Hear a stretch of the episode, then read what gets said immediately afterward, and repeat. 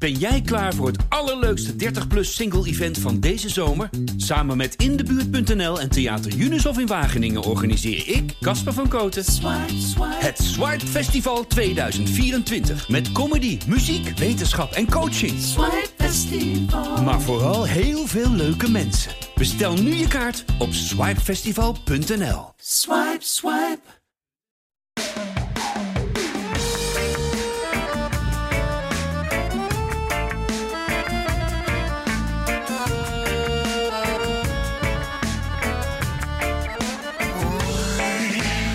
Het goed gedaan, maar ook zo fout gedaan.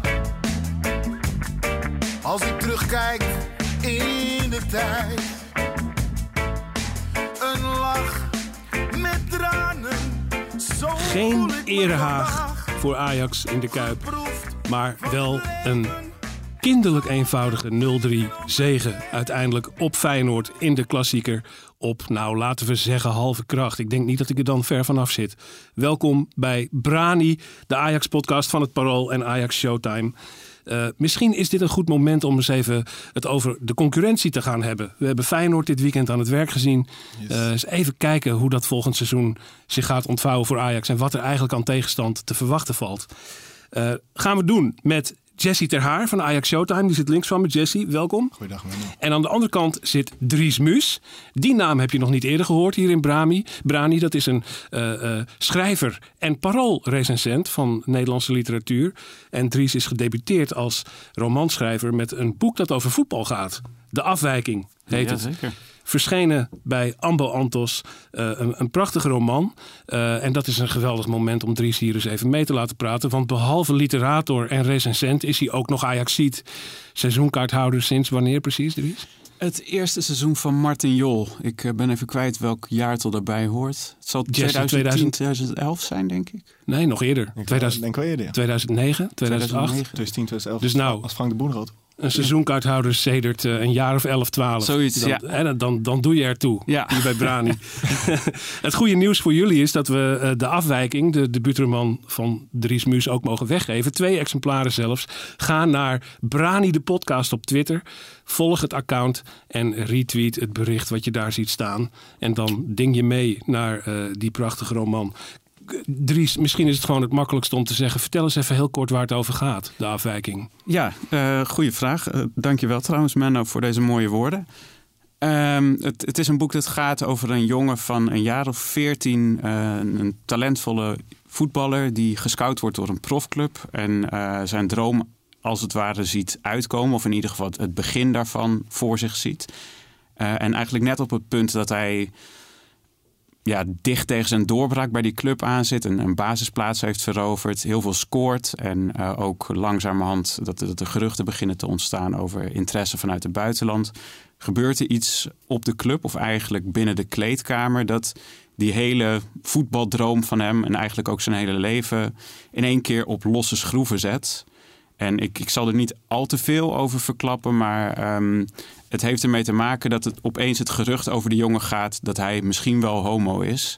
En dat is binnen de voetbalwereld een, een reden om hem vanaf dat moment eigenlijk, eh, waar hij ook maar komt, belachelijk te maken. Dat is de afwijking De afwijking Nog binnen die, binnen die wereld. in ja. die wereld van het profvoetbal. Ja. Daar kom je nog altijd niet geru- geruisloos mee weg.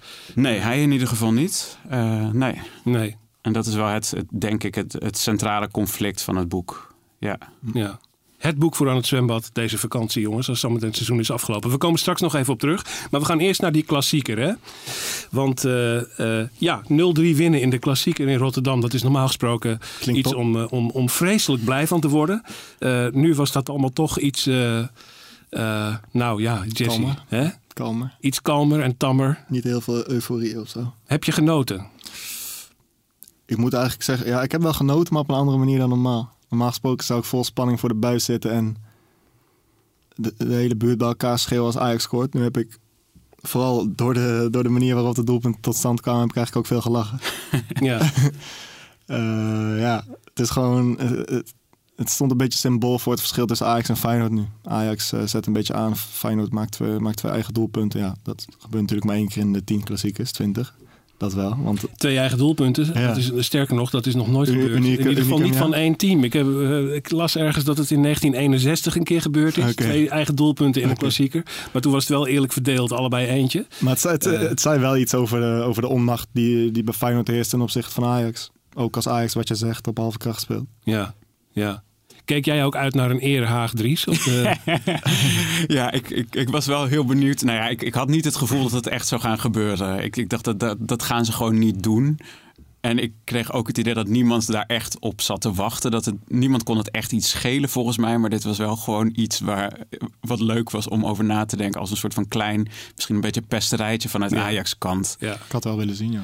En ik, ik weet niet, ik, ik, ik had het ook wel willen zien. Het was wel komisch geweest, maar eh, nee, ik had er niet op gerekend. En dat vond ik ook eigenlijk helemaal prima. Ja, die, ja. Ik vind het ergens ook wel een beetje jammer. Het was leuk dat zij er een weekje over na moesten Dat- denken. ja, ja. dat was leuk inderdaad. Ja. Dat, eh, ja, nou goed, het maar bleef het is ook bij, een gewoonte eigenlijk, toch? Het is, ja, maar volgens mij is het nergens vastgelegd. Het is een ongeschreven Een ongeschreven regel. ja. regel, een soort, een soort eh, Die zijn er nou ook ja. niet voor niks. Het bleef een felicitatie en een, eh, en een handdruk, volgens in de woorden van advocaat. Daar bleef het bij. En twee doelpuntjes. Nu we toch onze moderedacteur eh Jessie Ter Haar hier hebben zitten. Het nieuwe uitshirt Nieuwe werd ten uitshirt. doop gehouden. Eh, is het een mooi uitshirt, Jessie? Vertel eens. Nou, ehm, het is niet mijn ding. Het is niet mijn ding en dat komt vooral door de kraag. Ik vond de kraag een beetje ja, niet heel mooi. Ik heb liever een ronde kraag. En ehm, ja, ik moet zeggen, ik had gisteren een hele drukke dag. Dus ik was er eigenlijk de hele dag niet mee bezig. En ik zag het eigenlijk pas op het moment dat de Space het veld opkwam. Dat ik dacht van, wat hebben ze nou aan, weet je wel? Ja, in de zomerzon. Ja. Mooi eh, lichtgevend bijna. Eh, Ja, ehm, ja, de kleuren zijn op zich wel mooi. Alleen, ja, wat ik zeg, die kraag vind ik niet zo mooi. En eh, de, de, de bedrukking is lichtblauw of zo, niet wit, hè? Het is lichtblauwig, volgens Eh, mij. Oh, ik heb er niet eens zo De goed sponsorletters bedoel je? Ja. Of, eh, ja. Ja, Die is lichtblauwig, vind ik Ja. niet zo'n hele Ja, mooie precies, kleur. ja, ja. Maar Erik was erover te spreken na de wedstrijd. Die vond het geweldig en een mooie uitstraling. Nou, Dus dat- als hij het vind- goed vindt, vind ik het goed. Ik vind altijd genieten dat moment dat er zo'n nieuw shirt gelanceerd wordt. En dat dan ineens allemaal voetbalsupporters zich bezig gaan houden met kraagjes en stipseltjes. en dat, eh, ja, maar het bepaalt voor mij of ik hem ga halen of niet, weet je wel. ja, ja, Ja. het- het- een soort eerbetoon aan Inter en DWS misschien wel, dit Ja, shirt. Hè? Club Brugge ook, inderdaad. Ja. Ja. Ik, ik had wel bij dat vorige tenue, dus zeg maar dat Europese uittenue, dat zwarte met goud, er Hmm. toen zo'n enorme hype op kwam, dacht ik meteen, en volgens mij iedereen ook, van dit is fantastisch, geen Ja, twijfel over mogelijk. Echt Ja. gewoon een klassiek shirt. En volgens mij was dit voor iedereen een beetje wennen. Gewoon van ja, niet Dat heel was ook erg met het uitshirt van vorig jaar. Eh, wat? Dat was ook met het uitshirt van vorig jaar. Ja. Die, die was ook heel erg wennen, maar ik moet zeggen dat ik die eh, ook wel gedurende wel, seizoen ben ja. gaan waarderen. Ja. Ja. Nou, Ja. Ik, zal, ik zal hem niet kopen, maar misschien ga ik hem wel waarderen. Maar het is ook wel weer zo dat, dat als je dan één legendarische Europese uitwedstrijd Ja. speelt of zo, dan wil je hem wel hebben. Dat zo. is ook dan zo, ja. zo'n cult shirt. Dat Ja. is ook zo, ja. En beginnen met 0-3 in een klassieker met zo'n shirt is ook niet zo slecht. dat is niet We hebben er toen die ene gehad, eh, eh, blauw met zwart en dan die drie Amsterdamse kruisen in Ja. een soort ruwe vorm voorop. Ja. Eh, die werd ten doop gehouden in de, de dramatische wedstrijd bij de Graafschap, waar uiteindelijk de titel werd Ja, gespeeld. Oh, ja, dan beleeft zo'n shirt wel een hele valse Ja. Start. En eh, dat, eh, eh, dat, dat, van dat gevoel komt het dan nooit meer helemaal af of zo. Dus wat dat betreft is nu de start in elk geval goed geweest. Zo is het. Waar ik het met jullie over wil hebben, jongens. Ehm, nu in de, in de besprekingen na de wedstrijd gisteren en vandaag in de kranten... is een beetje de toon alsof Feyenoord een soort van totaal lachertje was. Zwak, niet tegen Ajax opgewassen, et cetera. Is dat terecht eigenlijk, Dries? Vond je, want de eerste helft was het toch eigenlijk best een aardig Feyenoord. Ik probeer het even voor ze op te nemen. Ja, nee, dat, dat, toen was het ook nog wel gelijkwaardig. En dat hoorde je Dick Advocaat ook na afloop de hele tijd zeggen. Zo van, nou, ik heb de eerste helft eh, waren we gelijkwaardig aan Ajax. Op zich is het al een beetje vreemd dat hij dat, dat, nou ja, dat, hij dat blijft noemen tegen Ajax dat ook kampioen is en er niet meer voor hoeft te gaan. Dus dat geeft al aan hoe groot het verschil is. Maar wat ik eigenlijk daar raar aan vond bij advocaat was dat het. Ik vond het best onthutsend hoe slecht Feyenoord vooral de tweede helft begon. Die eerste tien minuten of Ja. zo, toen ze één man meer hadden. Dat ik dacht, ja, eigenlijk is Ajax nu beter. Niet alleen dan Feyenoord, maar ook dan dat ze in de eerste helft waren. En ik vind het, ik vond het achteraf, ik snap best dat advocaat de nadruk op iets positiefs moet leggen. Ehm, maar je zou toch ook kunnen zeggen, bizar dat wij met één man meer aan een tweede helft begonnen en alsnog min of meer werden ja, weggespeeld is misschien overdreven, maar eh, echt duidelijk de mindere waren. Ja. En in elk geval niets wisten af te dwingen. Totaal niet. ik moet er wel ook wel bij zeggen dat ik het ook weer niet uh, vond dat Ajax echt op halve kracht speelde. Want ik, ik vond wel aan het begin bijvoorbeeld, je zag vaak als ze dan voorin de bal verloren, dat ze die vaak ook wel heel snel weer terug hadden. Dus dat er dan wel weer vijf à zes mensen meteen weer druk zetten. Ja. En een team dat echt op halve kracht speelt, dat ja, laat het dan ook maar gaan, zeg maar. Dus in die, in die eerste paar seconden vond ik ze wel ja, redelijk scherp. In ieder geval scherper dan ik had gedacht. Ja. Ajax op halve kracht is een beetje een karikatuur. Vind jij dat ook, Jesse? Ja, halve kracht. Kijk, als we het in procent gaan zeggen, is 50% van de 100 misschien een beetje weinig. Maar boven de 70 zal het niet uitgekomen zijn. En, wat, wat, wat Dries uh, terecht zegt, Ajax zet snel druk, ja. Maar dat zit gewoon in, in, in, in de lijn van het spel, zeg maar. Je gaat niet, als je van 100 naar 70% gaat, ga je niet ineens je principes loslaten. Je gaat nog je principes ga je nog steeds uitvoeren. Alleen daarna uh, is het gewoon allemaal iets minder scherp misschien. Maar ja, ik vond gisteren Feyenoord een lachtje noemen is overdreven. Maar ik denk dat Ajax Feyenoord nu ook gewoon trof in een periode van veel onrust. Plus Berghuis was er niet bij. Plus Toornstra was er niet bij. Dick ja. Advocaat was een Hadden die eigenlijk een soort snipperdag genomen? Misschien wel. Daar leek het een beetje op. Toch die rode kaart. Ik vond het bijna dat je dacht, die heeft er geen zin in. De... Echt, nee, nee, nee. Ja. Die, die, die, zagen het al een beetje aankomen inderdaad. Ja. ja. En een week daarvoor leek, uh, leek, de baan van Dick Advocaat nog een beetje aan de zijde draadje te hangen. Dat hij een beetje zat te twijfelen van, moet ik dan dit nog wat doen? Dus de echte overtuigingen binnen de groep van Feyenoord heb je dan ook niet. Dus ja, weet je, Feyenoord heeft voor, voor de Eredivisie heus wel kwaliteit hoor in de ploeg. Maar... Ja.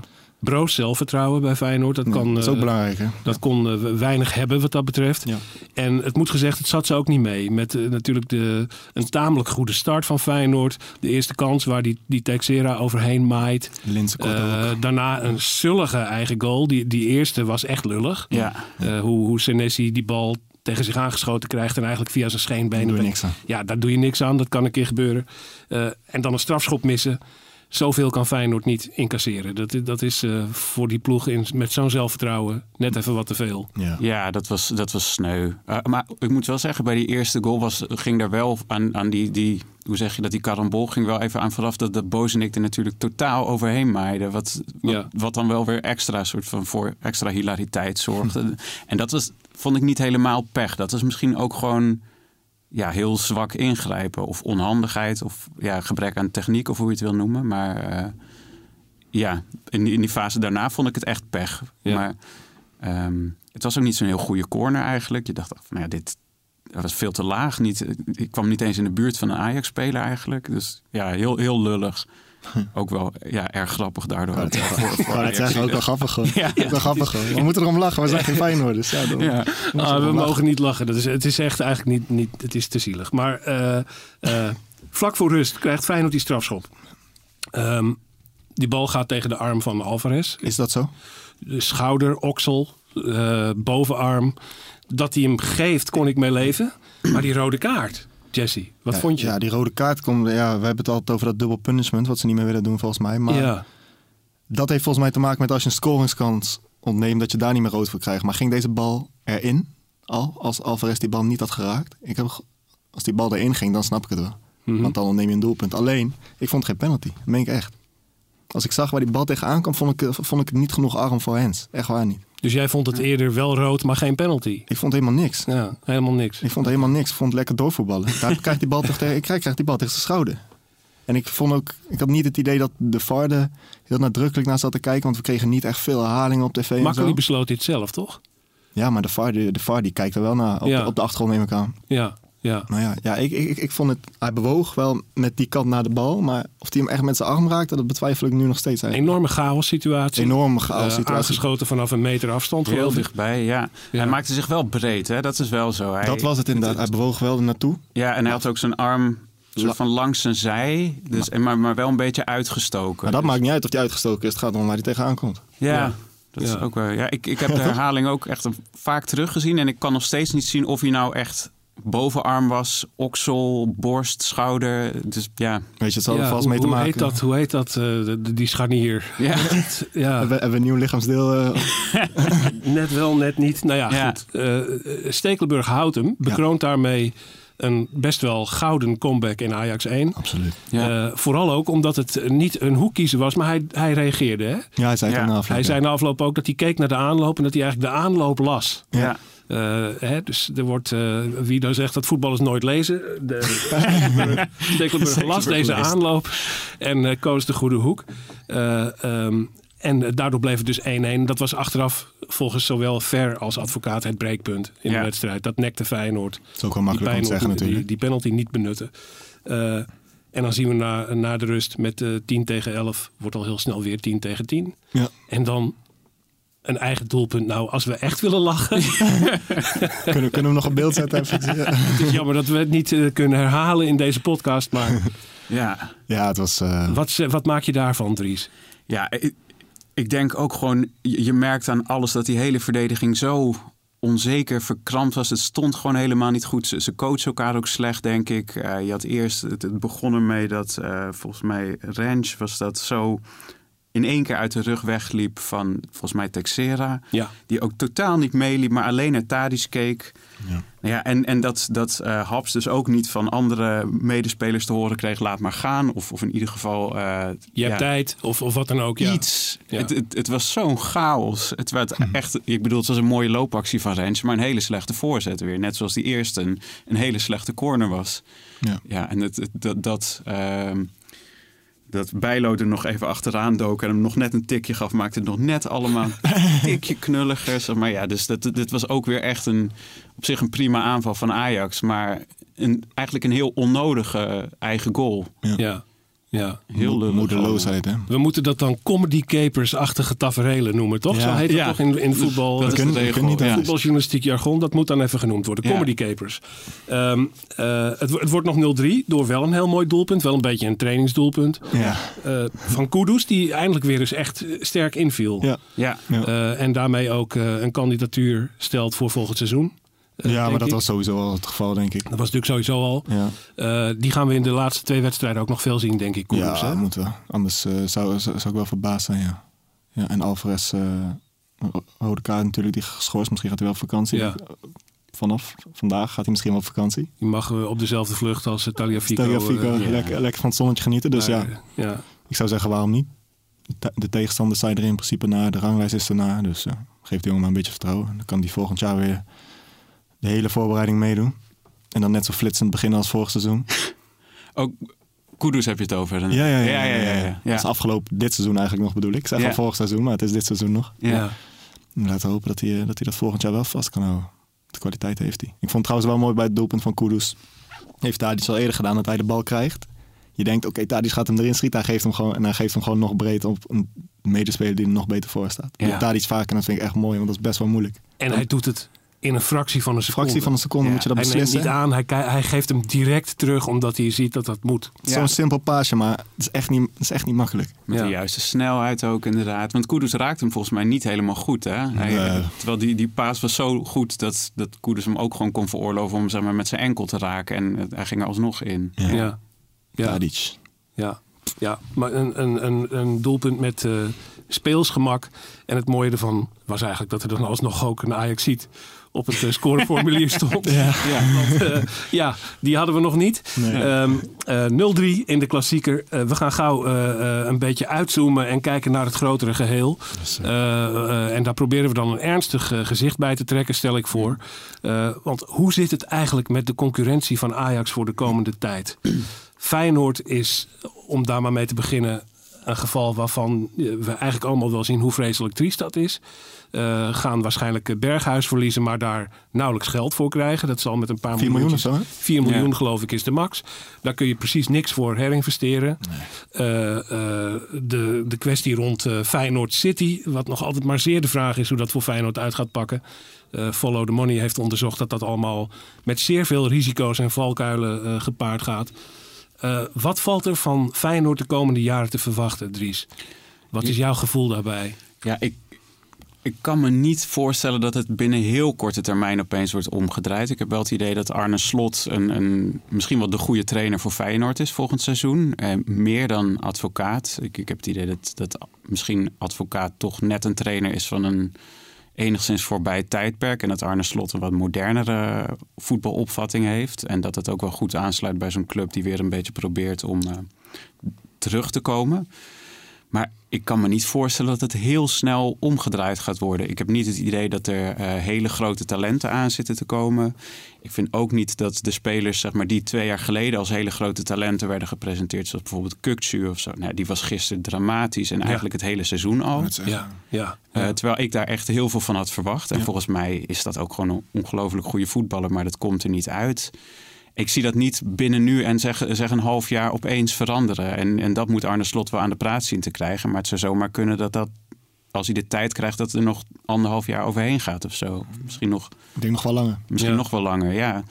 en ze kunnen dus inderdaad niks investeren. Dus ze zullen het met deze selectie voor een groot deel moeten doen. En dan ook nog met de twee of drie spelers die er enigszins bovenuit steken, die, die dan niet meer hun bijdrage kunnen leveren. Dus ja ja, ik, ik, ik geloof echt dat Arne Slot een, een goede trainer is, maar geen, ja, geen, hij heeft geen magische krachten of zo en ook niet. Uh, en het zal even tijd kosten. Het zal tijd kosten, ja. Het is een, het is een, uh, een bouwer. En, en, een andere voetbalopvatting, denk ik, de advocaat. Ik bedoel, bij AZ was hij in ieder geval uh, van het aanvallende, goed verzorgd positiespel. En, en dat is wat advocaat ja, toch wel veel minder had, denk ik. Ja. Die discussie is er wel natuurlijk veel geweest of de selectie van Feyenoord überhaupt wel dat die voetballende opvatting kon hanteren. En ja, ik denk advocaat is, van mening van niet. Ja, nee, daar is ook wel wat voor Arne Slot moet het nou volgend, volgend jaar... hij gaat dat sowieso doen. Arne Slot gaat natuurlijk sowieso niet achteroverleunen. En dan mag hij laten zien of het wel in die selectie zit. En het doet mij altijd een beetje denken ook aan, aan de zwartste tijden die we bij Ajax gekend hebben. Zo rond 2000 en later ook weer rond 2005. Uh, eh, dat er talenten liepen die volslagen mislukt zijn. En ook aankopen waren die volslagen mislukten. Uh, van wie je achteraf denkt daar zat misschien best wel wat in. Die hadden wel talent en het waren helemaal niet zulke slechte aankopen. Maar het was ook zo dat het bij dat Ajax op dat moment bijna onmogelijk was om het, om het beste van jezelf te laten zien. Zo'n totaal beschimmeld klimaat waarin je niet uh, gesteund voelt door de clubleiding. Het is chaos in, elke, uh, in elk aspect van het runnen van een modern voetbalbedrijf. Uh, het is dan ook bijna, dat kun je natuurlijk niet vlot trekken als je dan een, een talent van 19 bent. Nee. Ik denk dat we Feyenoord de komende, komende jaren moeten zien als rivaal en niet als concurrent. Dat zijn mooie woorden. Ook, ja. Dat is, uh, ja. De rivaal zullen ze altijd blijven, hoe dan ook. Maar concurrent, nee. Ik denk dat Feyenoord de komende jaren concurrent is van Vitesse. Ja. ja. En dan ja, wil ik helemaal niet te negatief over Feyenoord praten, maar zo zie ik het op dit moment gewoon. Nee, want laten we wel zijn, bij een volle kuip een kolkende kuip en een weerbaar goed Feyenoord is uiteindelijk iedereen gebaat en Ajax zeker ook. Tuurlijk, dat, hebben, we, dat hebben we nodig. Alsjeblieft. Hoe zit het met PSV, Dries?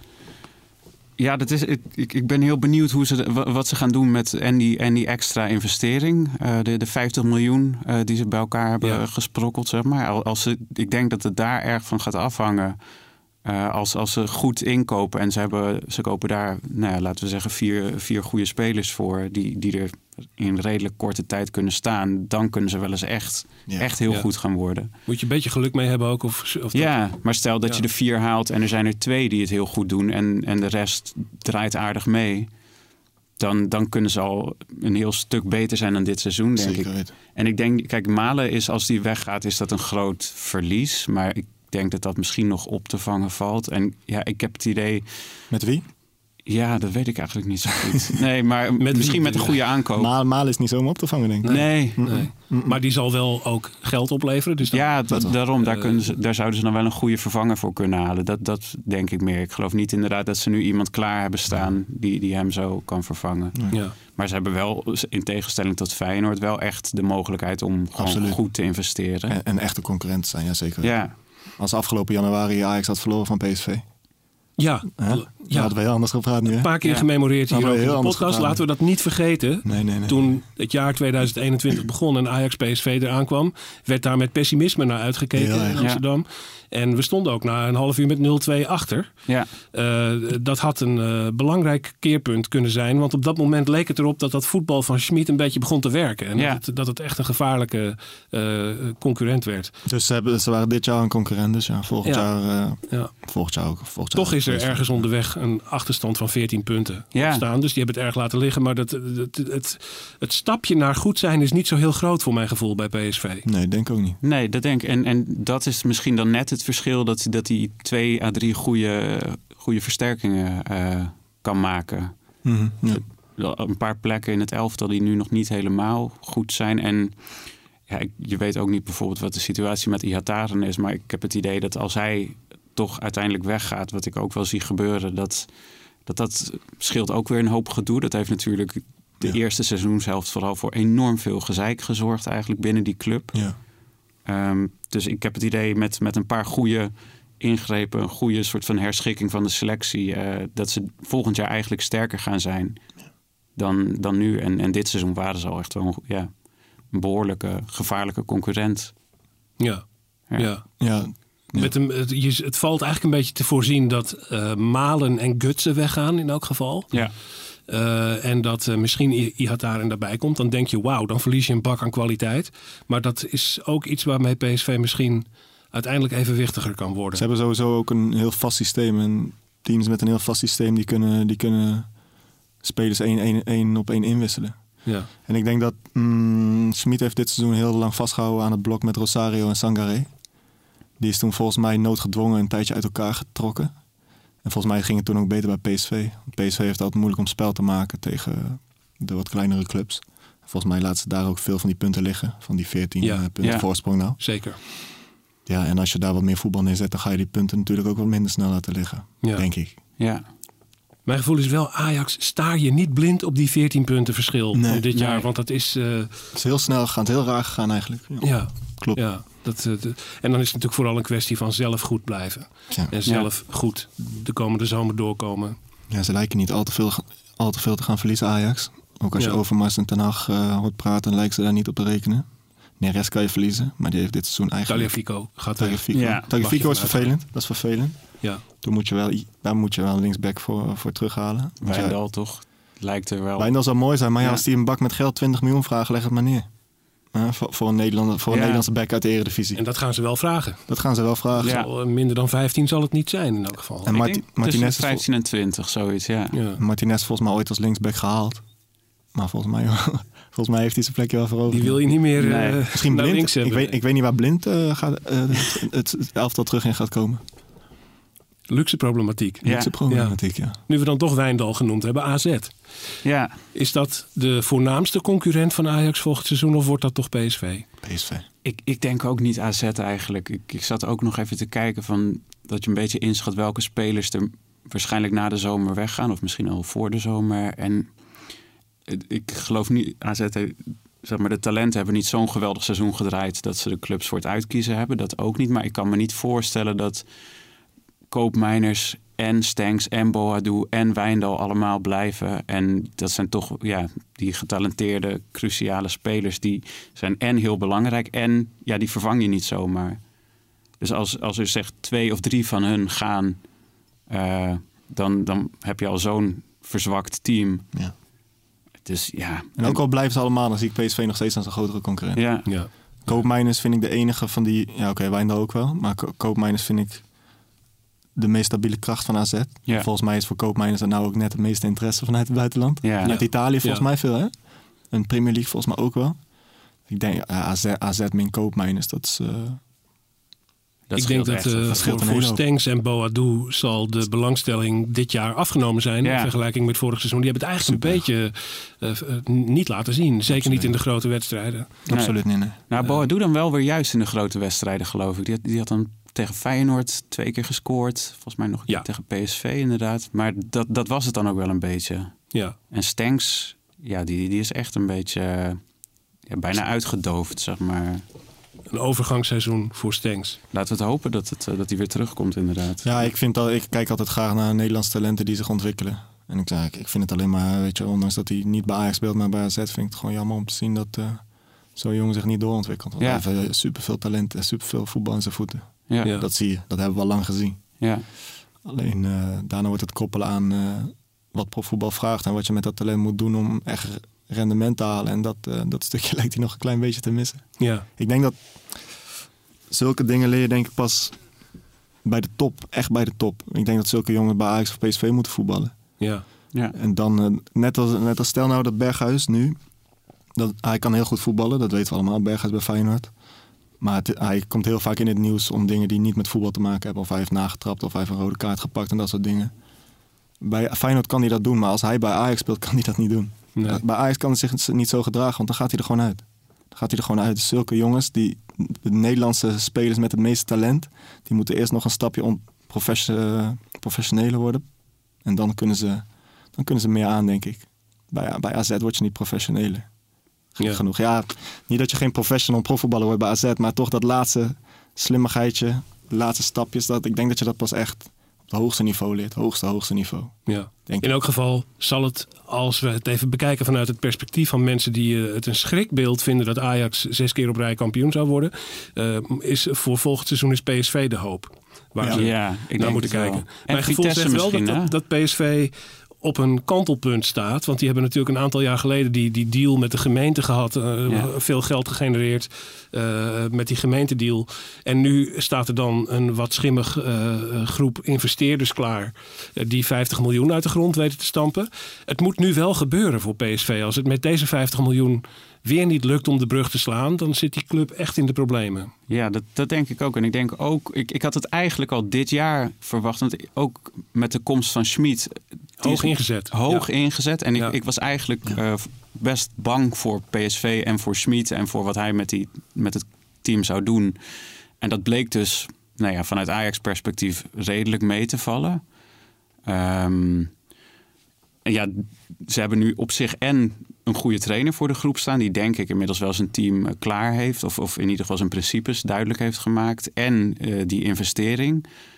Ja, als het inderdaad nu niet lukt, dan, dan weet je niet wat er, wat er in godsnaam nog nodig is om het wel te laten slagen, denk ik. Ja. Ja. Het is wel lastig, want ze lopen toch, eh, hoe je het ook bent of verkeerd, Ajax krijgt al die miljoenen weer binnen volgend seizoen.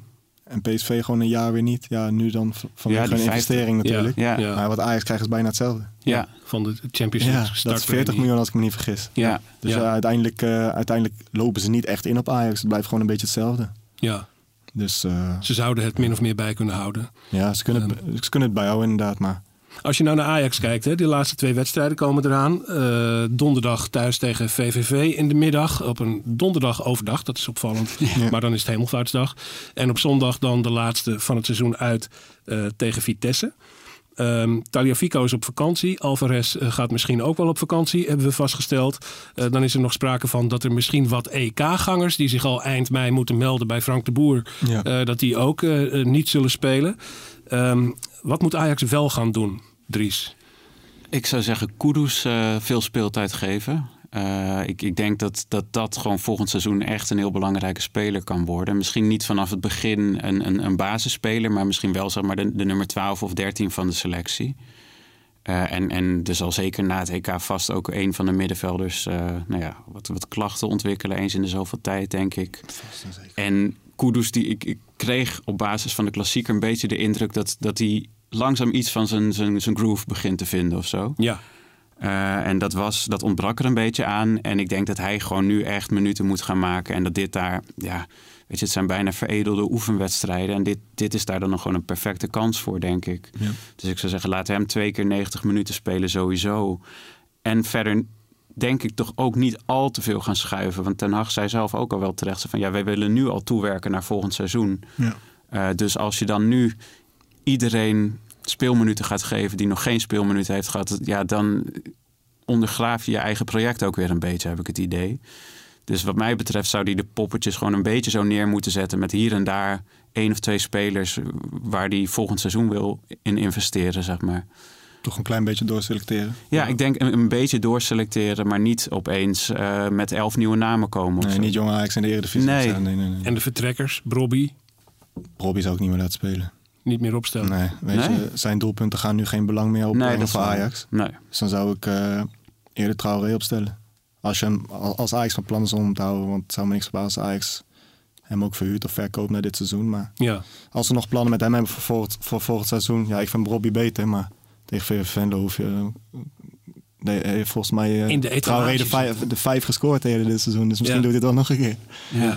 Nee, maar ik, ik zou Robbie niet meer laten spelen. We hebben nog eh, twee wedstrijden voor de boeg in dit, eh, dit seizoen. En eh, nog één aflevering van Brani volgende week. Dat is dan de laatste van dit seizoen. Ja. Ehm, eh, ik wil je er nog even aan herinneren dat je naar Brani de podcast moet gaan. Om daar mee te dingen naar de prachtige roman De Afwijking van Dries Muus. Dries, het is een, ik, ik heb begrepen dat het een beetje autobiografisch is ook. In zekere zin, althans uitgaat van een autobiografisch kerngegeven. ja, dat zeg je goed. Ja.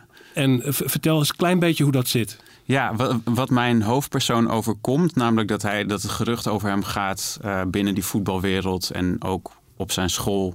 Uh, dat hij homo is. Dat, dat is iets wat ik zelf ook heb meegemaakt als uh, jonge amateurvoetballer. Ik moet wel, een goeie was je toch ook? Nee, niet, niet, niet, lang niet zo goed als mijn, mijn hoofdpersoon. Okay. Maar. Dus, dus dat is echt uh, erge fictie. Je had ja moeten zeggen. Ik geef het voor je. dit dit zeggen, was ja, mijn kans. Was heel goed. ja. dit was mijn kans, ja. Uh, nee, ik, ik, ik had absoluut niet zijn talent. Um, maar dit is wel iets wat ik heb meegemaakt. Ik, ik had wel ja, ambities natuurlijk zo, en, en dromen zoals elke 15-jarige jongen die het voetbal enigszins serieus neemt. Uh, en ik merkte toen ook dat, dat dat gerucht over mij de ronde ging doen binnen de club. Gelukkig nog voor de tijd van uh, social media. Dat, dan had het allemaal nog, uh, denk ik, groter en, en, meer beladen gemaakt. Um, maar dat is wel iets waar ik voor uit mijn eigen ervaringen heb kunnen putten. Ja. ja. Het is een mooi, secuur opgeschreven verhaal, De afwijking uh, van Dries Mus. Uh, dat kan ik zeggen in elk geval over de eerste helft van het boek, want daar ben ik. Ik ben ongeveer halverwege. Uh, de rest van, de van het boek, dat komt in de dagen na deze podcast, ga ik dat lezen. Um, ga naar Brani de podcast. Volg het account. Like het bericht dat daar staat en maak kans op een exemplaar van de afwijking van Dries Mus. En volgende week gaan we verder praten over de laatste twee wedstrijden van Ajax. Want dat is waar het hier in Brani natuurlijk uiteindelijk allemaal over draait. Ik wil jullie uh, bedanken voor je komst. Ja, ook bedankt. Jessie Ter Haar van Ajax Showtime, dank je voor het komen. Dank je Dries Mus. Dank je man. Heel erg leuk, leuk, dat je er was. Ja. Uh, en wij gaan uh, volgende week verder praten over onze club die kampioen is en de uh, grens van 100 doelpunten moet gaan overschrijden in de laatste twee wedstrijden dit seizoen. Tot volgende week, tot een nieuwe aflevering van Brani.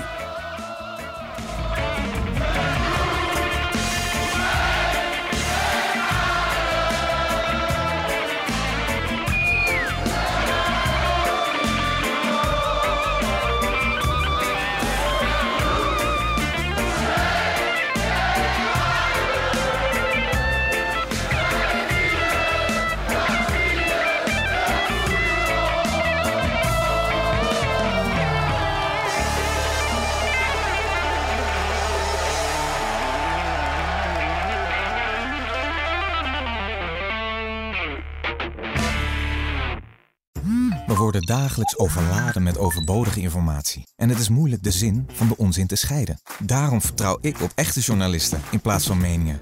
Een krantenmens heeft het gemakkelijk. Word ook een krantenmens en lees je favoriete krant nu tot al zes weken gratis. Ga snel naar krant.nl. Bezorging stopt automatisch en op deze actie zijn actievoorwaarden van toepassing.